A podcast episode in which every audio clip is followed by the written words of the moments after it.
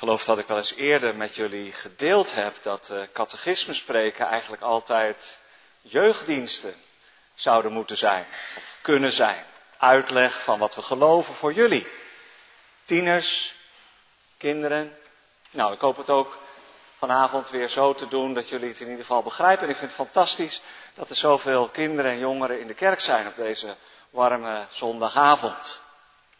Iemand zei een keer dat je de twaalf artikelen die we altijd s'avonds lezen en waar de preek ook over gaat, over een van die twaalf, dat je die twaalf artikelen kunt lezen of horen als twaalf beloften. Twaalf beloften voor jou. En ik wil ze vanavond langzaam voorlezen, zodat je bij elk van die twaalf artikelen even tegen jezelf, doe dat maar, even tegen jezelf kunt zeggen, ook voor mij. En dan gaat het vanavond over de hemelvaart van de Heer Jezus. We lezen ook meteen maar die vragen en antwoorden uit de catechismus. En dat is het ook. Ook voor mij is Jezus opgevaren naar de hemel. Dus eerst de twaalf artikelen en dan zondag 18 van de catechismus. En daarna zingen we van Psalm 118 het derde vers. Ik geloof in God, de Almachtige Vader, de Schepper van de hemel en van de aarde. En in Jezus Christus, zijn enige geboren Zoon, onze Heer.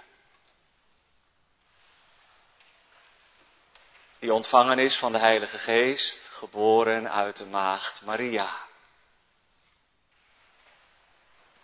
Die geleden heeft onder Pontius Pilatus, is gekruisigd, gestorven en begraven.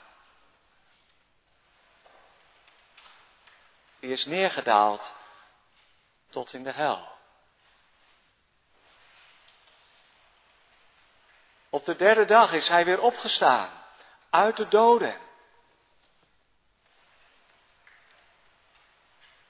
Hij is opgevaren naar de hemel. En hij zit aan de rechterhand van God, de Almachtige Vader. Daar vandaan zal hij komen om te oordelen over de levenden en over de doden. Ik geloof in de Heilige Geest. Ik geloof in heilige algemene christelijke kerk, de gemeenschap van de heiligen. Vergeving van de zonden De wederopstanding van het vlees, het lichaam. En een eeuwig leven. En dan zoomt zondag 18 van de catechismus in op, en misschien heb je het net nog wel gezegd, ook voor mij is hij opgevaren naar de hemel.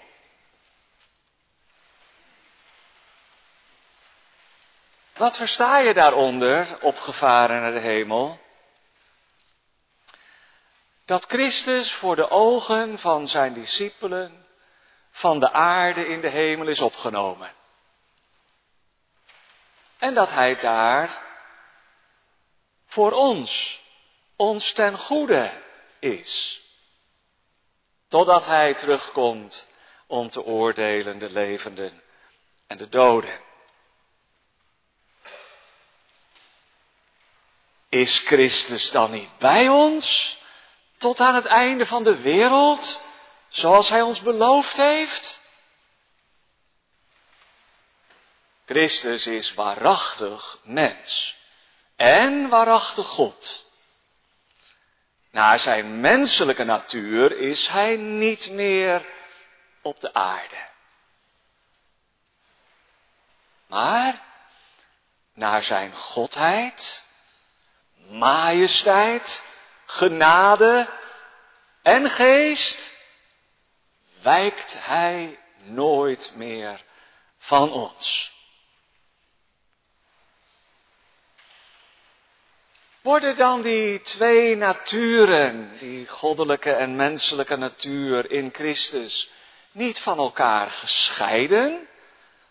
Als zijn mensheid alleen maar in de hemel is en zijn godheid alomtegenwoordig en zijn mensheid dus niet overal is waar zijn godheid is?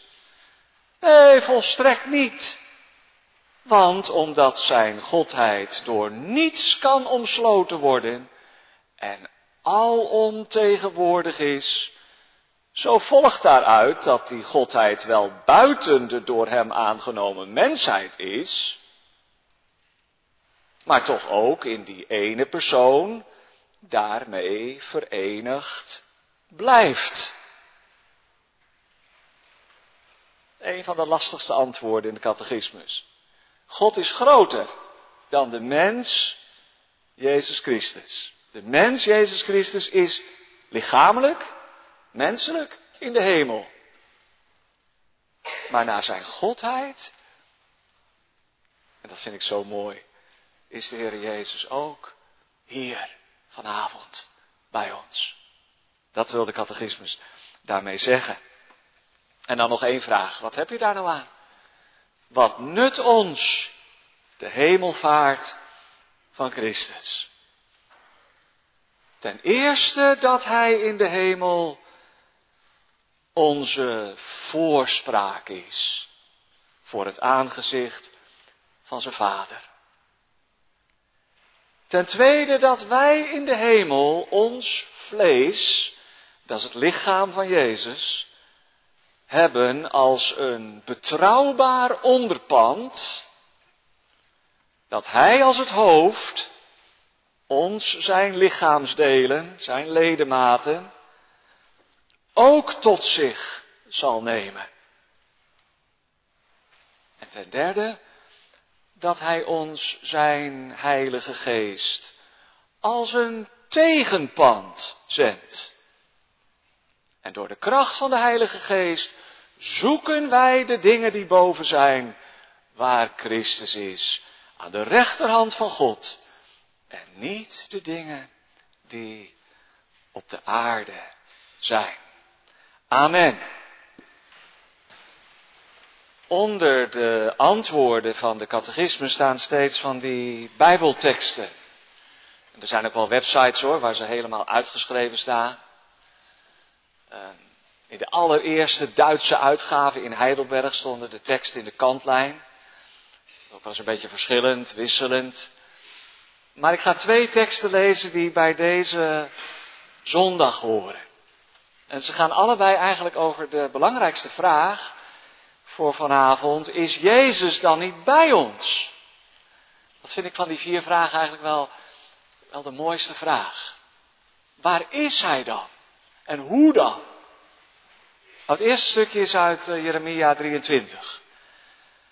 Ik lees maar twee versen, uh, vers 23 en 24. En daarna lees ik uit uh, Matthäus 28, het laatste stukje van het Matthäus-evangelie. De laatste vijf versen. Maar eerst Jeremia 23, vers 23 en 24. Ben ik een God van nabij?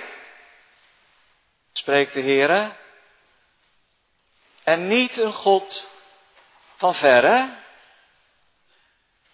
Zou iemand zich op verborgen plaatsen kunnen verbergen? En zou ik hem niet zien? Spreekt de Heere. Vervul ik niet de hemel en de aarde? Spreekt de Heere.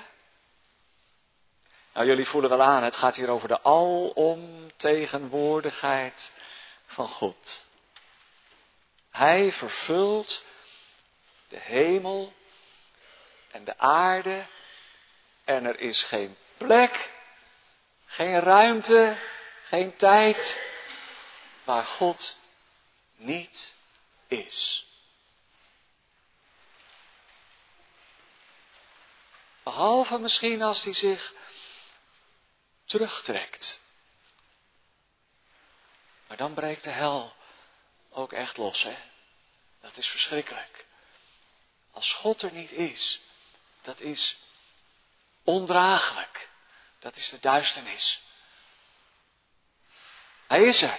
Hij vervult de hemel en de aarde. En hoe is hij er dan? Nou, dat zegt de Heer Jezus tegen zijn discipelen. Als hij afscheid van hen neemt na zijn opstanding en voor zijn hemelvaart in het Matthäus-evangelie. Matthäus zegt trouwens helemaal niks over de hemelvaart. Dat weten we uit Lucas en uit Handelingen. Maar dit zegt Matthäus wel, en dat vind ik toch ook wel heel mooi, over de discipelen. Matthäus 28 vanaf vers 16. En de elf discipelen zijn naar Galilea gegaan. Naar de berg waar Jezus hen ontboden had. En toen ze hem zagen, aanbaden zij hem. Maar sommigen twijfelden. Maar Jezus kwam naar hen toe. En hij sprak met hen.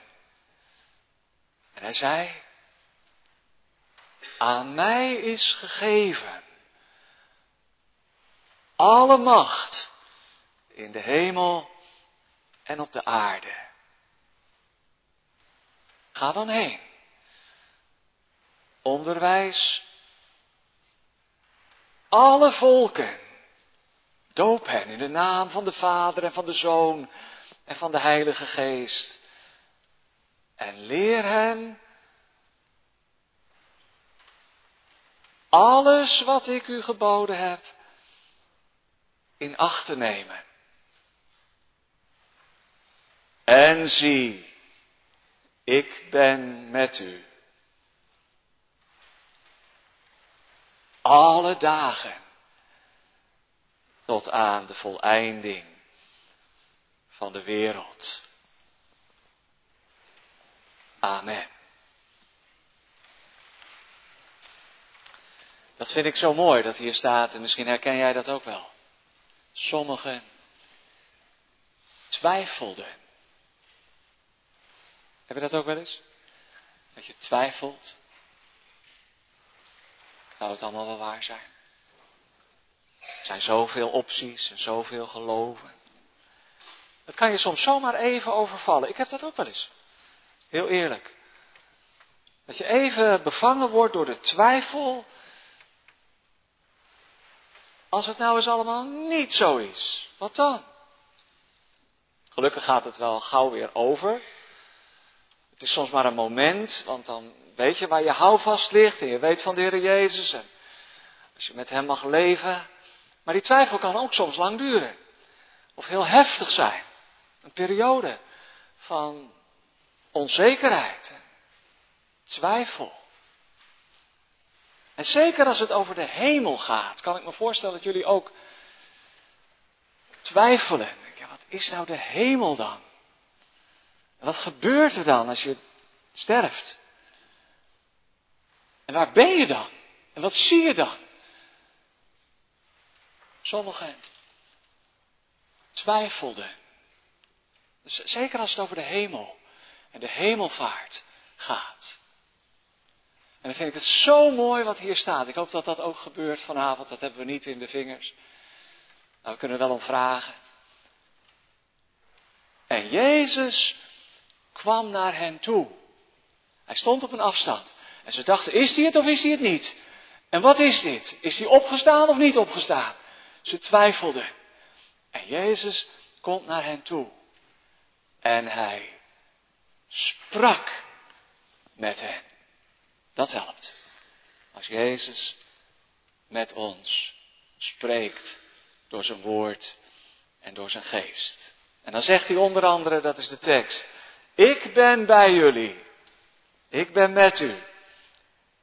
Al de dagen tot aan de voleinding van de wereld. Geliefden in de Heere Jezus Christus. Misschien denken we wel te weinig na en te weinig aan de hemel. En we zijn nu toch in de kerk en het gaat erover.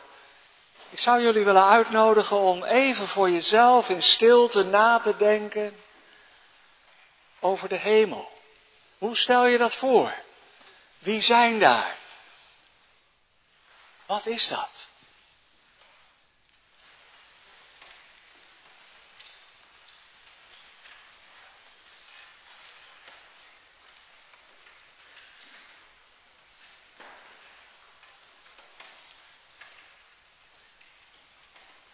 Lukt dat, ondanks de warmte, om je even te concentreren? En aan de hemel te denken? Wat weten we er eigenlijk van? En zoals ik zei, soms voedt dat ook wel de twijfel. Ik vind het heel mooi dat in de Duitse tekst van de Heidelbergse catechismus, het is nou eenmaal de Heidelbergse catechismus en dat, dat ligt in Duitsland, daar staat, wie versteest u? Nou ja, dat klinkt bijna hetzelfde als wat versta je onder opgevaren naar de hemel. Maar als je Duits in je pakket hebt, dan weet je wel wie, dat is eigenlijk hoe. Hoe versta je dat nou?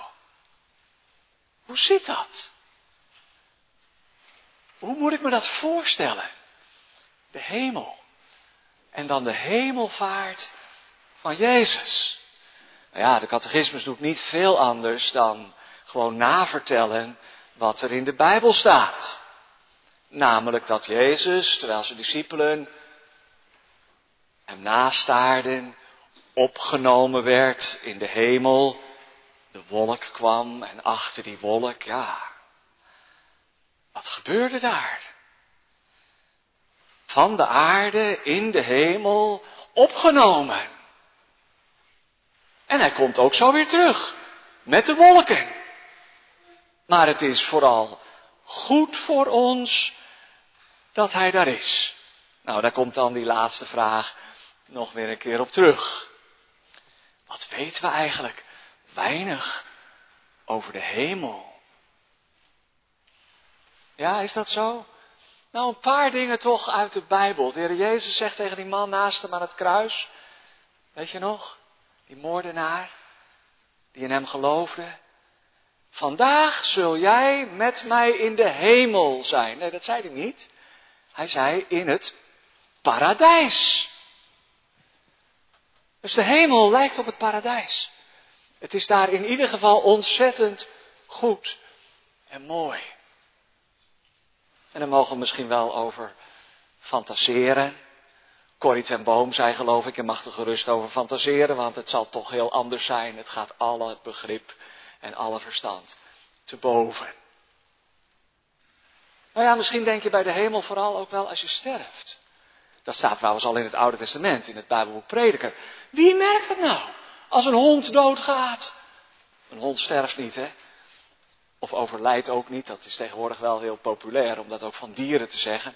Als een hond doodgaat of sterft, nou ja, het mag van mij ook wel. Maar wie merkt dan dat de adem van zo'n zoogdier verdampt, terugkeert naar de aarde? Dood is dood. Maar wie werkt dan als een mens de laatste adem uitblaast, sterft, dat die levensadem terugkeert naar God, die ons geschapen heeft. Daar merk je toch niks van? Als je erbij staat, je vader, je moeder, overleden, het blijft een heel spannend heel gewichtig, maar ook een ongrijpbaar moment. Je levensadem, je ziel terugkeert naar God, naar de hemel. Tenminste, zo staat het ook in de Bijbel, het is voor ons mensen, zo is het bepaald, dat we eenmaal sterven en daarna het oordeel. De ontmoeting met God die ons geschapen heeft.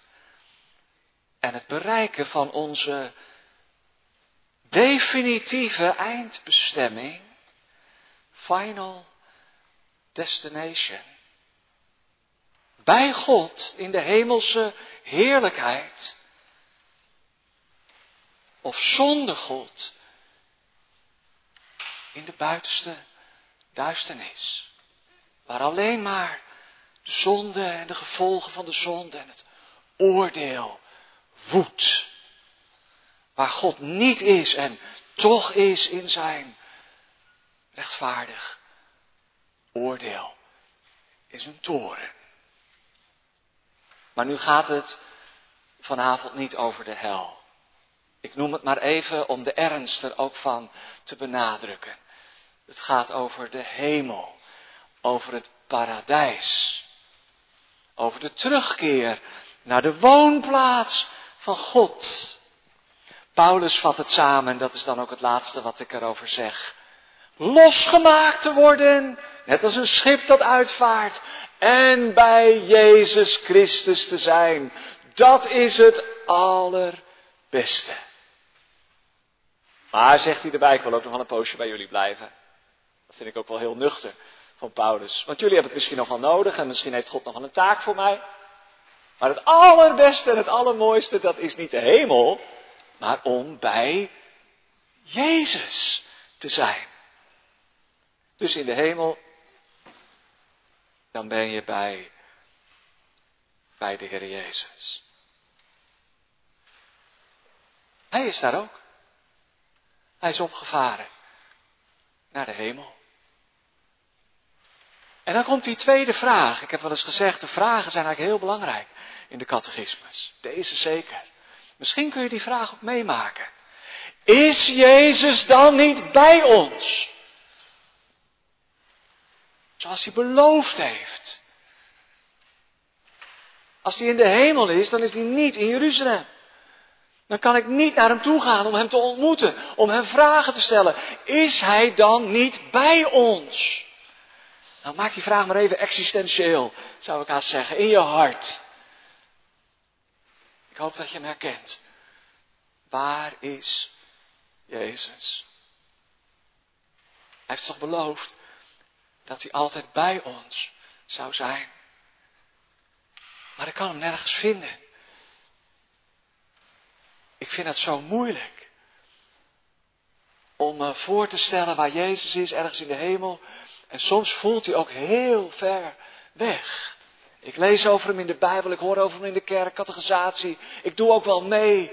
Maar om nou te zeggen dat ik de Heer Jezus heb ontmoet, misschien leeft het ook wel in jouw hart. Waar is de Heer Jezus? Is hij dan niet bij ons? Dat heeft hij toch beloofd? Ja, misschien, misschien is dat ook wel het werk van de Heilige Geest. Als je dat begint te vragen, als je daarna begint te verlangen, naar de Heer Jezus, naar een ontmoeting met Hem. Hij leeft. En hij heeft het beloofd. Ik zal bij jullie zijn. Geloof je dat? Dat de Heer Jezus ook vanavond bij jullie wil zijn hier in de kerk. Wat hij weet van je vragen, van je zorgen. Sommigen van jullie hebben ook best wel verdriet en zorgen. Dat hij ook weet van je donkere kant, van je zonde.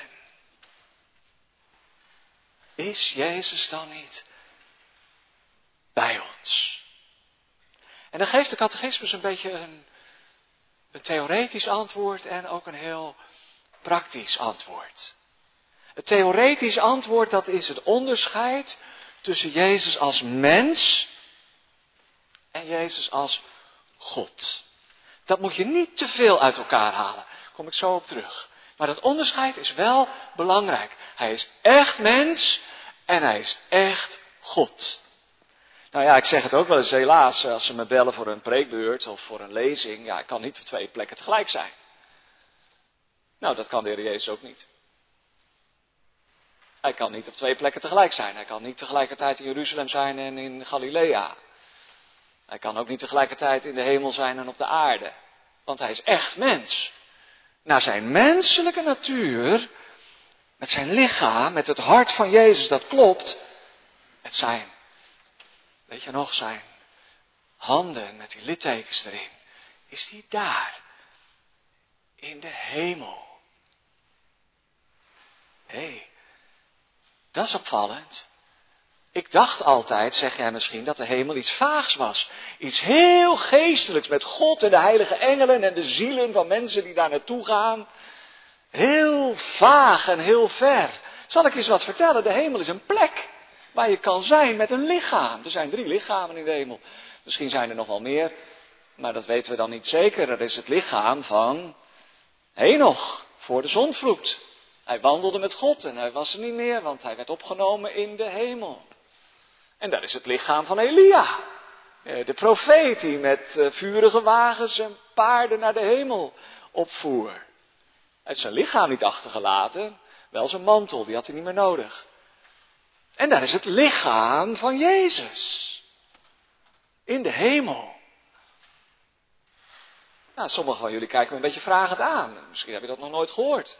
Maar dat is de betekenis van de hemelvaart. Straks in de catechisme staat er nog bij, wij hebben ons vlees. Dit, dit lijf, dat lichaam in de hemel. Nou, niet ons lichaam, maar als de Heer Jezus echt bij ons hoort en een van ons is, dan hebben we ons vlees, het lichaam van de Heer Jezus in de hemel. Ja, zeg maar, hoe moet ik me dat dan voorstellen? Dat weet ik ook niet precies. Maar ik zeg het altijd maar zo, de Heer Jezus niet een soort ruimtevaarder, hè, die langs al de sterren is heen gegaan naar de hemel. Zo moet je dat niet voorstellen. Achter de wolk, ja, wat is daar gebeurd? Daar zijn de poorten van de hemel opengegaan. En Psalm 24 zingt daarvan. Reis eeuwige deuren, reis omhoog, zodat de koning in mag rijden, de koning van de hemel en van de aarde.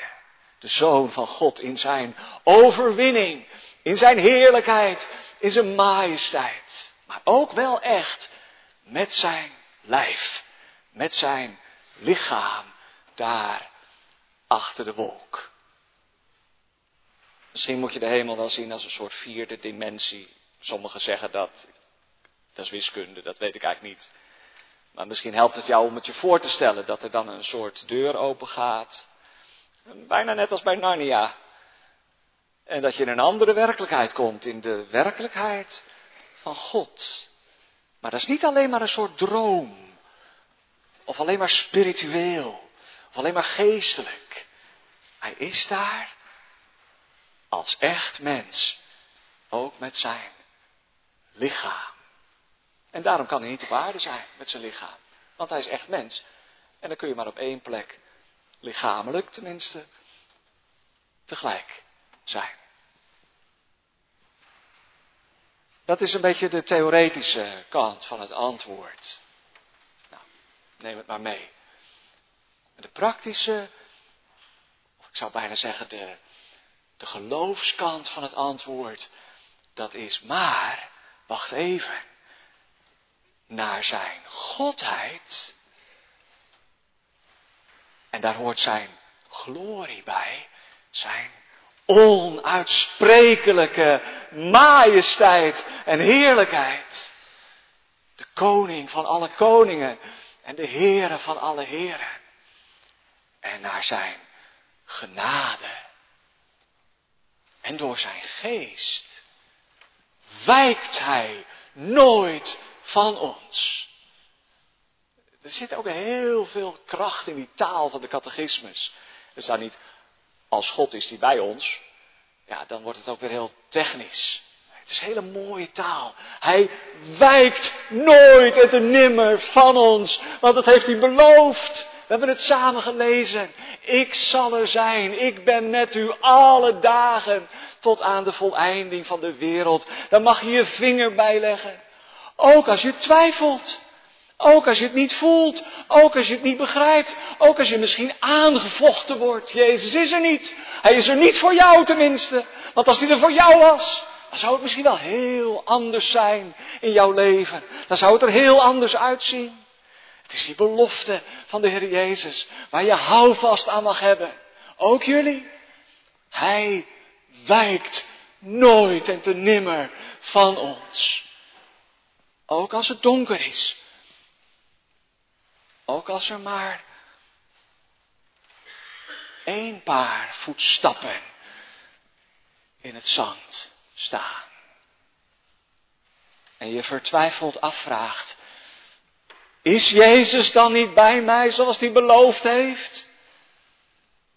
Nou, u kent het gedicht wel, hè? Mijn lieve kind, toen heb ik jou gedragen. Hij is er bij. Ja, je zou die woorden kunnen uitpellen. Zijn godheid, zijn majesteit, de glorie van de Heer Jezus. Hebben we eens iets van gezien? Dat hij zo schitterend is, zo mooi, zo gaaf en puur. De koning, de heerlijkheid van Jezus.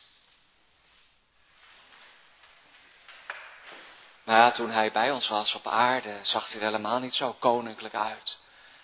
Hij was niet om aan te zien. De mensen draaiden hun ogen weg. Ze konden er niet meer naar kijken. Hij was veracht en de onwaardigste onder de mensen. Hij had zo'n pijn. Hij leed onder de gebrokenheid en onder de schuld van de zonde. Maar nu, nu is Hij in zijn majesteit bij ons. Ook in zijn genade trouwens. Als jij ermee worstelt, hoe dat toch moet. Met je schuld, met wat er misging of telkens weer misgaat in je leven. De Heer Jezus komt naar je toe. In zijn genade. Er is vergeving. Ook voor jou. En door zijn Heilige Geest. Zo dichtbij. Hij heeft het zelf beloofd. Immanuel, God met ons. En je mag ervan op, vertrouwen.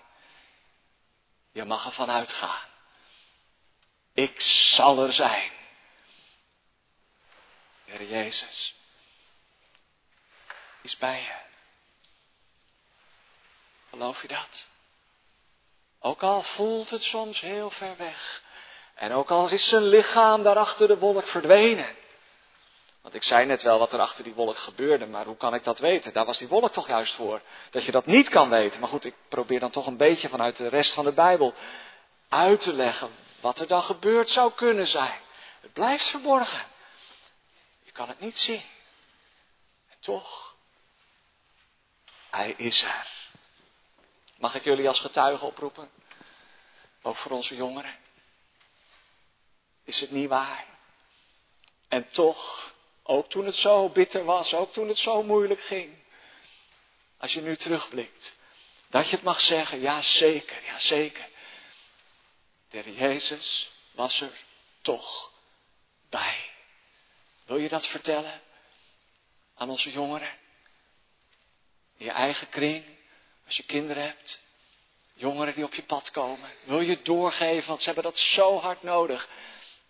Dat wij getuigen zijn van die kracht en de nabijheid van de Heer Jezus. En dan komt die lastige vraag, of dat lastige antwoord. Waarom staat dat er? Ja, dat heeft te maken met de overgang van Heidelberg van het Lutherse geloof naar het gereformeerde geloof.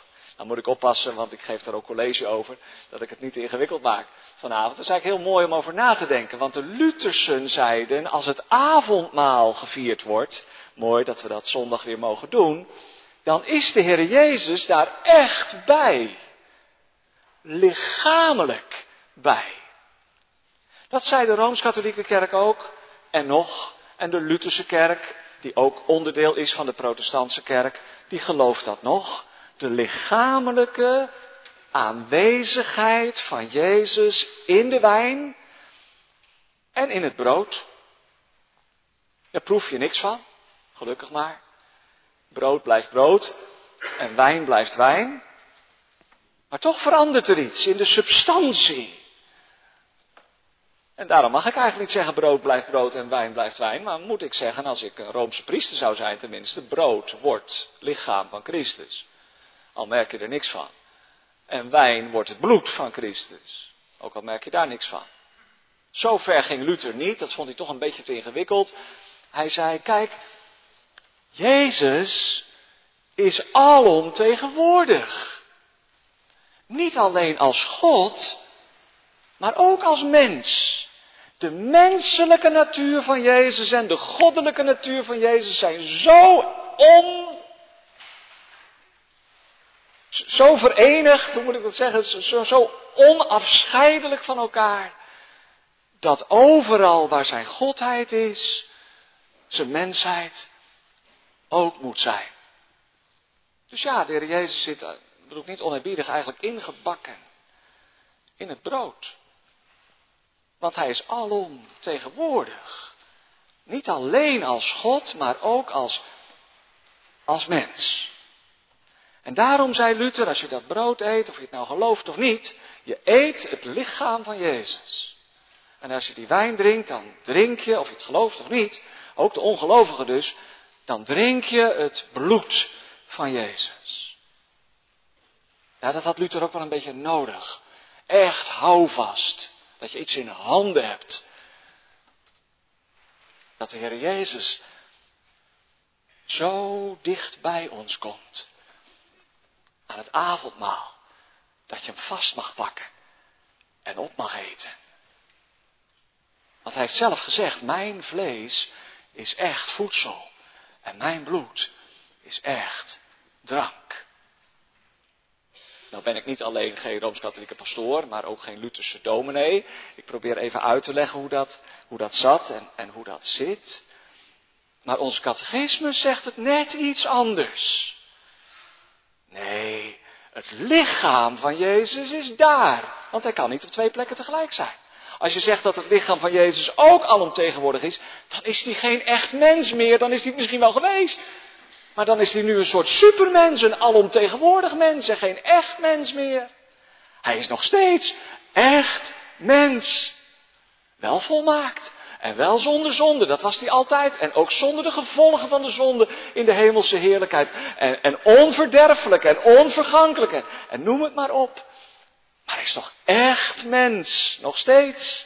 Hij heeft zijn lichaam niet achtergelaten in de wolk. Dat lichaam heeft hij meegenomen in de hemel. En daarom kan het lichaam van Jezus niet hier aan tafel zijn, komende zondag. dat is toch ook jammer? Is hij dan niet bij ons? Zoals hij beloofd heeft? Nou weet je wat er nou gebeurt? Jullie kijken er naar en, en, en kunnen nog niet deelnemen als je geen beleidenis gedaan hebt. Ik hoop dat je wel naar de kerk komt Sommige jongeren gaan helemaal niet, hebben nog nooit het avondmaal gezien. Dat is eigenlijk wel heel jammer. Maar weet je wat er nou gebeurt? Als we zondag avondmaal vieren, ja, dan gebeurt het toch echt. Dan eten wij het lichaam van de Heer Jezus.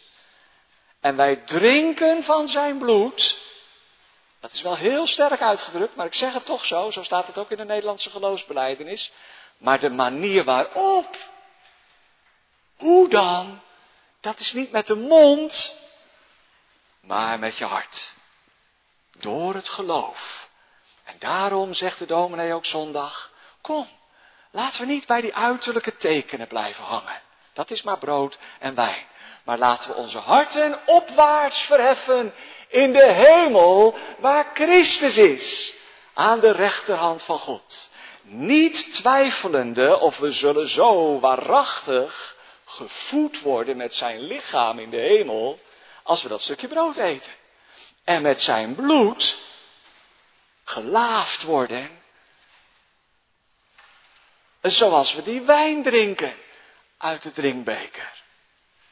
Nou, misschien vinden jullie het een beetje te ingewikkeld, heb ik toch een beetje college gegeven. Maar het komt uiteindelijk hierop neer. Bij het avondmaal is de Heer Jezus echt aanwezig. Hij is er echt bij. Hij is de gastheer. En we denken aan Hem, aan Zijn offer. Maar Hij is ook door Zijn Heilige Geest en in Zijn glorie, in Zijn heerlijkheid, echt aanwezig. Maar niet lichamelijk. Dat niet. Dat is in de hemel. En als ik het nou toch even een beetje toepas, juist voor twijfelaars. Sommigen twijfelden. Is dit nou of is dit nou niet? Kan dit wel? Is het gezichtsbedrog? Beelden we het ons maar in? Of twijfelaars nu? Mensen die misschien zeggen: Is het wel voor mij? Ben ik wel goed genoeg? Leef ik er wel echt naar? Dat is wel belangrijk, gemeente. Niet dat je ernaar leeft, maar dat je eruit leeft. Hè? Want het is ook nooit goed genoeg natuurlijk. Twijfelen. En nou voor twijfelaars komt de Heer Jezus zelf ook in het avondmaal naar ons toe. En hij spreekt ons aan. En hij zegt het met die tekenen van brood en wijn. Zie, hier ben ik. Zie, hier ben ik. Ik ben er ook voor jou. En jij mag je hart opwaarts verheffen in de hemel. En door de Heilige Geest gemeenschap hebben. één plant worden met de Heer Jezus. We denken dus niet alleen maar terug aan het kruis. Dat ook. Dat is het fundament. Maar we denken ook aan de hemel. Waar Jezus nu is. De levende heiland. En daarom is het toch ook wel belangrijk dat het brood gebroken wordt. Ik zei altijd tegen de kosters, je mag het wel in repen snijden, maar niet uh, in stukjes snijden. Want ik vind het belangrijk als teken, en niet dat ik nou zo belangrijk ben, maar dat is eigenlijk ook de kerkorde van de Nederlandse kerk vanaf de Reformatie, dat in de kerk het brood gebroken wordt. En dat was de laatste keer, ja, ik, ik, ik ga er natuurlijk niet over, misschien wel voor de corona waren het allemaal van die vierkante stukjes plakjes brood, bijna een ouwel. Ik heb het zelf gebroken, eerlijk gezegd. Ja, u mag dat voor mij ook wel doen hoor. Het brood dat wij breken, zeggen we immers, daar hoef je geen dominee voor te zijn. Maar, maar, nou ja, kijk, het sacrament van het avondmaal is niet van de vorm afhankelijk. Dat is bij de doop ook niet zo. Maar, het is toch niet onbelangrijk dat het brood gebroken wordt. Want het wijst ons op Jezus die met zijn gebroken lichaam voor onze zonde heeft betaald. En zo is hij bij ons. In het breken van het brood komt de Heer Jezus zo dichtbij. Mooi symbool eigenlijk. Het brood dat we breken, die rafelige stukjes van het brood, wijzen naar de gebroken gestalte van Jezus. En de beker van de dankzegging. Ja, nou, al die kleine bekertjes. Ik snap het wel. En misschien denk ik ook wel, nou, ik vind het een beetje onhygiënisch hoor, uit één beker drinken. En, en met zo'n pandemie. En, en, gelukkig hoor, is het sacrament niet afhankelijk van de vorm. En, toch, hè, die drinkbeker. Dan moet ik altijd denken aan Jezus die met zijn discipelen uit die ene beker heeft gedronken, daar in de zaal in Jeruzalem. En toen in Gethsemane heeft gebeden, Vader, als het mogelijk is, laat de drinkbeker aan mij voorbij gaan. Maar niet mijn wil, uw wil geschieden. Er zit toch ook wel een rijke symboliek in het avondmaal. Eén beker, één brood. En verder geef ik het maar weer aan de kerkenraad hoe daarmee om te gaan. Broeders, het is geen kritiek. Maar het is wel van belang dat we erover nadenken. Wat gebeurt er Want, dat is de catechismus, de Heer Jezus is bij ons. Zo dichtbij. Niet in het brood en niet in de wijn, maar onder de tekenen van brood en wijn is Hij aanwezig voor, voor twijfelaars. Sommigen twijfelden, maar de Heer Jezus kwam bij hen en Hij sprak tot hen. Mij is gegeven alle macht in de hemel en op de aarde. Ga dan heen, onderwijs al de volken. Soms helpt het ook als je twijfelt om maar gewoon aan de slag te gaan. In de naam van de Heer Jezus. Hij zegt niet alleen de mensen die niet twijfelen, die twijfelaars die neem ik even apart in een klasje om ze nog wat verder onderwijs te geven. Dat doet de Heer Jezus niet. Ook tegen die twijfelaars zegt hij, ga dan heen en onderwijs al de volken. Leer ze maar te onderhouden wat ik jullie geboden heb. Alles wat ik jullie geboden heb. Vier keer staat het er, hè? Alle macht, alle volken, alles wat ik jullie geboden heb. En ik zal er zijn. Alle dagen tot aan de voleinding van de wereld. Nou, en dan tenslotte, daar eindig ik mee. Waarom is het dan toch goed voor ons dat Jezus in de hemel is? Misschien zou jij zeggen, en ik denk ook aan de jongens en meisjes, was de Heer nog maar in Jeruzalem. Dan zou ik het vliegtuig nemen, erheen, erheen vliegen en dan zou ik hem een vraag kunnen stellen. En dan zou ik ook in de Heer Jezus geloven, toch? Dat zou zo echt zijn. Maar ja, als mensen dan te arm zijn om een ticket voor een vliegtuig te kopen, dan kunnen ze de Heer Jezus nooit ontmoeten. Dat zou ook niet helemaal eerlijk zijn. En trouwens, toen de Heer Jezus wel op aarde was, waren er ook heel veel mensen die niet in hem geloofden. Dus het helpt ook niet altijd echt dat hij echt lichamelijk bij ons is. Waarom is het dan goed voor ons dat Jezus nu op dit moment in de hemel is? Nou, zegt de catechismus, hij is aan het werk. Hij is zo druk, als ik het even heel menselijk mag zeggen, hij is druk met jou.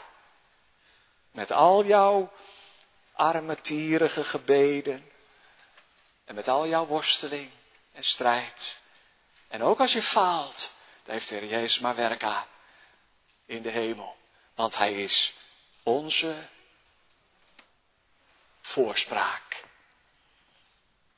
En elke keer als het weer misgaat, ook bij mij, dan kijk ik omhoog. Dan zeg ik, Heer Jezus, ik heb er zo spijt van.